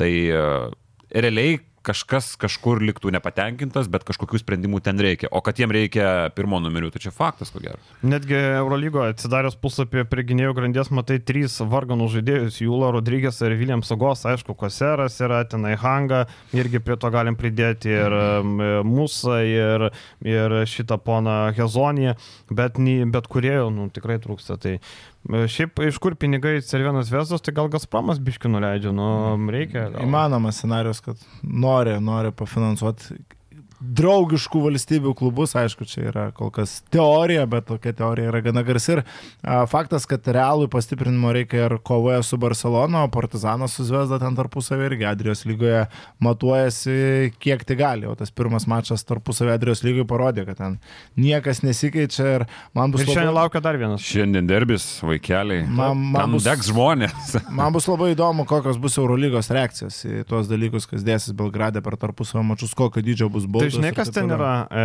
vakar Mozartas skaičiau, kad e, turėjo būti 4000, 400 vietų išvykos ir galim, nu šiuo atveju išvykos yra Zvezdos. Atskiras sektorių, bet jo neatskyrė. Mhm. Nes neva Eurolygoje nereikia atskirti ten kažkaip. Tai ten pradėjo kreipėsi Cervienas Zvezda Eurolygą, kad neva atskirkit, nu nes čia gali būti dalykų. Tai nežinau, kuo ten baigėsi, ten mm, 400 kur jos nugrūs, bet ten, bet ten yra rimti reikalai. Partizano ir Zvezda sakė, kai mes žaisim namie, nu jūs gausit tą Tai patį. ten Bet Adrijos lygoje tai buvo... Eilinė diena ofise. Adrijos lygoje pakankamai šiaip buvo, kai, kai tu sakai, kad buvo sustabdytas mačas ir baigėsi pakankamai kultūringai, Tai reiškia, standartai iš tam derbiui yra didžiuliai, atsižvelgiant į tai, kas buvo praėjusią sezoną. Nes dabar teisėjai greitai sustabdė mačą, išvijo ten tuos Tiesiog sirgalius. kapeikų gavo į galvą. Kapeikų gavo į galvą ir ramiai pratęsė susitikimą vėliau. Ponai. Tai Gal su šalmais galėtų Žinai, pas, pas mus yra buvęs vienas toks atvejis Halės karbonkių balius ir, Ir mes mes kalbam atsimenam 10 metų. 20 metų, atsimenam ten šilinis mačas, maždaug dar pratęsė, ko jūs norite. Taip, taip. Tai dabar aš, nu, nežinau, aš mano prognozija, aš netikiu, kad pasibaigs taip kultūringai, kai baigėsi paskutinis Adrijos derbis. Kultūringai, taip. Taip. Bet ten atvažiuoja koks Luka Vildoza, ten pietietis žmogus. e, dalykų. atvaro. Kampaco atvažiuoja ir jam ten žiūrėti tokius dalykus. Nu. Dviejų metų obolys su Britvom nukrito. Fire, čia kažkoks mėtas, čia žiūrėk, jau žieptuvėlis. Klausyk, jie futbolio dar neto matė. Negaliu. Nu jo, jo. Jo, yra Argentinoje teisybės. futbolo fanai rimti. Nu. Nu, tai va, tai nenustebinsi labai. Dar sakėm, pabaigai pakalbėsim apie tai, kad prienai augina žaidėjus garždam. E, tokius dalykus. Prienai ėmėsi tokios šluotos, e, persitvarkymo, tas labai sveikintina, mes kalbėjom, kad su esamais dalykais, nu, net Marius Kiltinavičius nieko negali padaryti. Tarvidas atvažiavo, duoda rezultatą, matėm Tauros Jėgelą pasiruošęs prie šoninės linijos, bet dabar toks sunkusis kraštas, bent jau taip iš pažiūros pažiūrės, toks grinas sunkusis kraštas. E, pažiūrėsim, kaip atrodys po traumos ir Džemilas Vilsonas. NBA, grai, NBA grajokas, prašau. Klipersuose pamenu, grojo su Milošu Teodosičiu, Pitakais mušė, Ivica Zubacas, ten visa Hebra. Nu, pasirodo, kad e, neblogai Džemilas Vilsonas. Šiaip po praeito podcast'o, kai aš ten palėjau tulžę ant prienų, parašė man Marius Milaševičius. Lietuvio. Prie, prienų komandos uh, vadovas, kaip jo pareigos, turbūt savininkas, vadovas. Uh, Iš dalies aš sutinku, kad tos kritikos mes ten papylėm gana daug. Aš tai ir žmogus- jos Ne, aš. O ką sakė Ne, ne, ne. A, kaip buvo to? Nu, kad Pala, maždaug... ten liktai sakė bagažinė. Jo, sakė, išveš mane į bagažinę ir prienus geriau nekelčiau kojos, nes išdaviau savo miestą, savo šaknis ir esu persona non grada prienas. Mhm. Taip ir sakė. Čia rimtai? Ne. Jeigu rimtai normaliai pašnekėjom, nusako, uh, va čia ir yra, aš bendraudavau su savo pusbroliu, kaip čia pakrikštėjo Domu Kubilium. Tai Jis ten pala vieną, klasiokas. Nu, jis nesvarbu. vieną pasakojo, kad skolų nėra ir taip toliau. Dabar uh, Marius Milaševičius parašo, kad rado skolas nemažas. Ne, tai aišku, pats jį niekada skolų nebuvo, gerai Tai- gyveno dešrom kūreno, ko gero, jo tikrai. Tai Šimtą metų girdėjau. Bet dabar man Marius Milaševičius prižadėjo, kad klubas, klubo finansai yra tvarkingi ir su visais žaidėjais yra atsiskaitoma laiku ir taip toliau. Skolos yra gražinamos, tai aš jau pažiūrėsiu, ar tikrai viskas O aš yra gerai. Nes pasakysiu. aš sakau, kad tie visi dalykai, viskas gerai, kad imasi permainų. Ta prasme, klubas nefunkcionuoja, žaidėjai atleidžiami, pasimami tikrai neblogo lygio krepšininkai. Svarbiausia, kad vėl nebūtų vasara FIBOS bano, kad vėl prienai nebūtų linksniuojami kaip klubas, kuris nemoka algų, tada viskas tvarkoja, tada paplosim, sakysim, šaunuoliai, ištraukėt klubą. Bet kol kas palaukim. Uh, aš iškart pasakysiu, kad Brendanas Braunas vieno mačo nežaidė todėl, kad jo agentas nebuvo gavęs pinigų. Tai va taip pat tvarkingi finansai. Bet gavo po to. Šiaip aš nepateisinu, kai agentai savo klientam liepia nežaisti, nes jie negavo pinigų. Suprasčiau, žaidėjas negavo. Agentai yra, nu reikia suprasti hierarchiją. Pirmiausia, klubai moka žaidėjim, agentai dažnai laukia pinigų iki sezono galo, kartais nesulaukia eina į teismus. Uh, kai kurios LKL komandos teismuose sėdi su agentais, nes, negaun, nes nemokam pinigų. E, Čia galima, žinai, daug apie tai kalbėti. Ne, tai čia, žinai, kažkoks vėlavimas ten ar agentinių nesumokėjimas. Nu, čia viena. mes mes taip. ka- ka- kalbėjom apie situacijas, kai žaidėjai sausio mėnesį būdavo gavę vieną algą. Nevalgę būdavo. Bet tada yra problema, reali problema. Tai vat, to ir labiausiai norėtųsi, kad prienai nebebūtų tokių klubų ir kad ten viskas būtų tvarkingai. 0-11 yra viena. Klubo prestižas ir klubo ambicija išlikti LKL yra kas kita. Ir džiugu, kad komanda bando kabintis ir bando gelbėtis. Pirkiniai geri, tik aš labai tikiuosi, kad jie nėra į skolą. Ir nėra iš butaforinių tikiuosi. pinigų. Va čia Nes va svarbiausia. reikėjo nutraukti metrikį, Arną Domavičių, e, Washingtoną ir Osburną. A, vėlgi, Marius Milaševičius teigia, kad tai nekainavo nie cento komandai. Gerai? Pasitikėkime Tai žodžiu. reiškia, garždai perėmė žaidėjus. Bet čia kaip įdomi gaunasi, ne? Garžda, garždai nesugebėjo per tris mėnesius rasti žaidėjų, atkabino prienai ir opalia, būdų, hop, ateinam čia. Įdomu, Washingtonas jau buvo išvažiavęs ar ten laukia? Gerai, bet dabar pažiūrėkit, a, žiūrint į nominaliai antrą sezono dalį, a, turim tokius prienus ir turim tokius garždus. A, Kurią komandą, nes čia vis tiek kova vyksta tarp šitų dviejų tik tai komandų. A, Kurią komandą priekį įstatot su perspektyva? Aš garždus vis tiek. Jie turi Staniulį ir Washingtonas šiaip geras žaidėjas. Aš palieku, aš sakiau, kad garždai bus aukščiau ir palieku Aš garždus toliau. neatsimenu, kuriuos aš aukščiau stačiau, ten man ir buvo visiškai 50 prieš 50 prieš sezoną. Dabar irgi panaši situacija, bet garždai man vis tiek nuosaikesnio klubo įspūdis. Taip, fantazijos nulis. Jeigu... Man žaidimas jų labiau patinka, tarkim. Taip, taip, ir jie Apala Alstoną, ne, ne Alstonas, kaip tas buvo, Semas Thompsonas irgi atleistas, tai du Taip. žaidėjai, kuriuos jie pabandė išsitraukti legionierius, abu paliuosuoti ir pasimti legionieriai tik jau žaidė LKL, du iš prienų, vienas iš alytos. Taip, fantazijos nėra, bet ėjimai geri. Ir ėjimai yra normalūs, Osbornas geras sniperis ir matėm, jis jau prieš Utiną deliverino. Uh, kad Washingtonas, nu jiems reikėjo ketvirtų numerio, Keliačius, Guščikas ar Washingtonas, iš vis nėra ką kalbėti. Nu tai kito lygio žaidėjas. Washingtonas šiaip gero lygio žaidėjas. Ja, prasme, man buvo keista, kad čia jo, čia nieko nereiškia, kad žaidėjai paliuosuotų iš pienų, kadangi žaidėjai kokybiškai pakankamai. Tai palauk, tai Brendan Brauną paliuosuos Kiltinavičius. Antroji daly Kedainiuose nepakėlė nuo suolo, nes neva nesigina. Žinai, čia yra dvi medalio pusės. Pavyzdžiui, aš e, Marijos vietoje, Marijos labai principingas treneris, jis labai nori, kad visi eitų pagal jo viziją ir taip toliau. E, aš nebūčiau sadinės Braunų, tu turi realią progą nukalti kedainius, tu neturi nei vienos pergalės. Tu antroji pusė palieki Brauną, nes neva nesigina, gerai, Domantas Vilys ten pataikė porą tritaškių, bet aš vis tiek, aš būčiau ėjęs all in, o dabar tu parodai principą, gauni stogų nuo kedainių ir toliau lieki su zero. Ir nežinau, man prienai, prienų permainos ok, bet e, aš nežinau, ar tai atneš rezultatą. Galų galę tas rezultatas yra kas, maksimumas aplenkti garždai ir tai padaryti tikrai bus labai. Tu savo labai klientūrą nelengva. turėjai, kaip sako Jarūtis, savo klientus turėjai praeitą savaitgalį. Tu Brenno Braunų sudinė ant suolo, a, nu tai čia jisai nesigina, neduodu žaisti. Ok, fine, tavo reikalas. Toliau, Šiauliai namie, Juve namie, išvyka Neptūnas, išvyka Garždai. Pažiūrėsim, ar sugebės per mėnesį artimiausiai iškovoti bent vieną pergalę nežinai, permainos permainom, bet jeigu pergalių nebus, labai greitai tų žaidėjų moralės į žemyn. Dabar ateina treneris, daro pokyčių, žaidime pokyčiai matomi, tikrai atsirado vizija, atsirado daugiau noro, kovingumo ir viso kito. Jogminas žaisti pradėjo. Jogminas pradėjo žaisti, bet aš, bet, e, žinai, čia kaip sakyt, kaip sako, kaip ten kas sakė, kad geriau e, blogai žaisti ir laimėti, negu gerai žaisti ir pralaimėti. Visi dabar jau taip sako. Nu, dabar jau visi, bet čia man atrodo. Jis paskutinis tokį šovė geriau. Jo, tai va. Kozerinis tūzas, mačiau vakar paminėjai kažkurio transliacijoje. Taip, taip, taip, labai geras. Traukiau prieš lietkabelį kozirinį tūzą, tik neatsimenu kokiam kontekste. Čia ką jūs mėgstamas? Kozirinis tūzas. Žinau, žinau. Tai va, tai, nu, tokios aktualios, nežinau, čia tos tokios aktualios. Dar labai įdomus dalykas, kaip skundų iš Šiaulių girdėjusi, kad, nu, šiaip nenormalus tvarkaraštis Šiauliam. Jie sužaidė už vakarą prieš, prieš šitą, prieš Neptūną, sugebėjo iškovoti pergalę, nors du kelnius žaidė košmariškai ir šiandien jie žaidžia su Juventusu. Vienintelės KMT rungtynės. Mhm. Ir pirmadienį laukia išvyka į Prienus. Tai tvarkaraštis nu labai įtemptas. Nu šiaip žinai. Normaliom ne... komandom ne, ne, ne, nu jo, sakyčiau. Bet žinai, bet tu žaidži antradienį.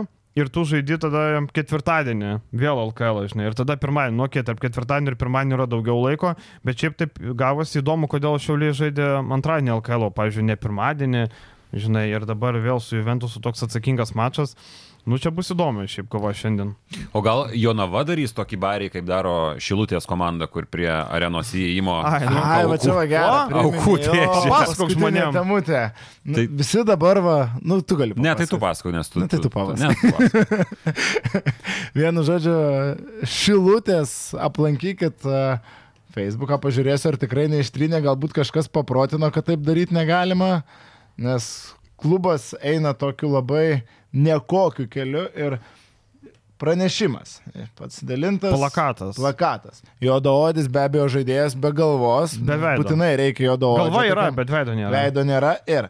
Andriaitis kažkada yra pasakęs, jeigu neklystu pasirašytas tamsų žaidėjas. Tamsus. Čia, ta prasme, Šilutės krepšinės ir gali informuoja, kad nuo rytojus prasideda ir galių žaidėjų projektas. Kiekvienas Šilutės ir galius turės galimybę prisidėti prie naujojo krepšininko. Prieš kiekvieną Šilutės namų varžybas, aišku, prie salės įėjimo bus pastatytas tendas su dėžutė. Po varžybų informuosime, kiek pinigų surinkta ir kada būtų galima tikėtis naujojo Šilutės žaidėjo. Ir pačiam plakate galimybė prisidėti kiekvienam ir gali prie naujojo komandos žaidėjo išlaikymo. Čia kas? Zoologijos sodas, kad išlaikyti reikia. Nu, čia pašaro nupirkti. Kas būtų duos, kas pavalgyti, sumuštinio atneš.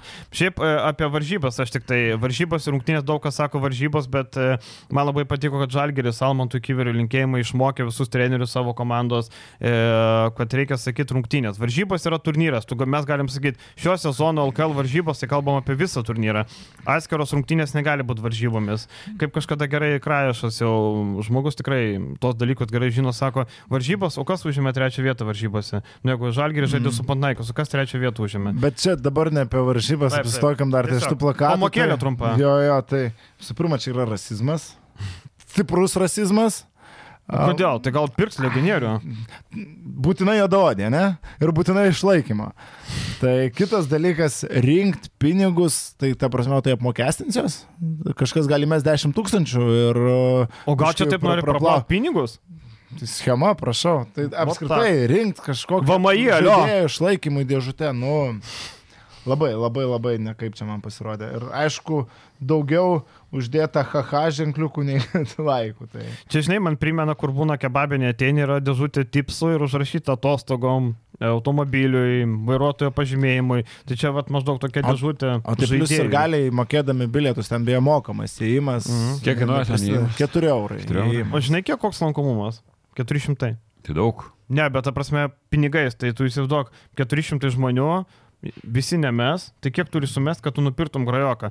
Šiaip galima grajoką nupirkti už labai pigiai. E, klubai, į savo, klubai į savo Facebooką e, gauna pastoviai highlightų žaidėjų, kur e, nu, jie niekur nežaidžia, bet turi kažkokius highlightus, nežinau, žaidė su draugais salytai, dar kažkur. Tai tokių galima prisivežti kiek nori. Tai čia nereikia daug pinigų, bet turbūt Čilutė nenori tokių, nes vis dėlto ant kelių. dažniausiai tokiam komandom netgi būna, būna dėrėjimasis dėl lėktuvų bilietų, tarkim, jeigu Mhm. iš Junktinių Amerikos valstijų ar, tarkim, iš Pietų Amerikos. LKL būna. Jo, nu ir LKL, jo, nu, kas šiaip komiškai skamba, didžiausias yra iššūkis lėktuvo bilietai tiesiog, jie derasi kartais dėl tokio dalyko, nes algos ten yra žiauriai mažos, tie žaidėjai, jie sėdi kažkokiai, nežinau, mamai ant sprando ar dar kažkur, jie nori savo šanso kažkur užsikabinti ir labai dažnai tai yra, nu, žaidėjai, Tai- kur, nu, kaip mes, gal, nežinau. Mesitės ant sirgalių žaidėjų. Nežinau. Čia kai buvo sirgalių komanda, šakiuosi, čia sirgalių Aš galiu pervesti ten kažkiek, ne? Ne, tik, tik, tik tai kešą priima. Bet tu žinai, kad tu pervesi pinigus ir iš karto tie, nu, kavai ten susidarys ir ant čipsų kažkas išleis tos pinigus tam klube, nes ten, nu, kaip tu galėsi surinkti daugiau. Ne, tai gal jie nusiplanavę nusipirkti žaidėją, turi tų pinigų, bet va galvoja, parinksim, mastermindas. taip. Nežinau, Visiškas. nežinau, kas galvoja, bet jeigu tas žmogus, kuris sugalvoja, tai nežinau, kad negalima. Tai daryti. valinkoja jau, nes uh, Jonavos dabar iš 13 žaidėjų net 4 žaidėjai, iš 13 žaidėjų LKL, tie, kurie žaidžia ilgiausias minutės uh, per rungtynės vidutiniškai, 4 yra Jonavos. Tai daug ką irgi pasako, št- kiek šitai komandai reikia žaidėjų. Ir jau kaip nėra, taip nėra. Ir nėra. O šiaip toks, va, pabaigai pamastymai. Liks Jonava ketvirtą, kaip manot, ar neliks po Jeigu reguliarkės nepirks, neliks. pabaigos? Neliks, aš Tai manau, pirks kad ir šiaip, kažką. aš manau, kad ir šiaip neliks.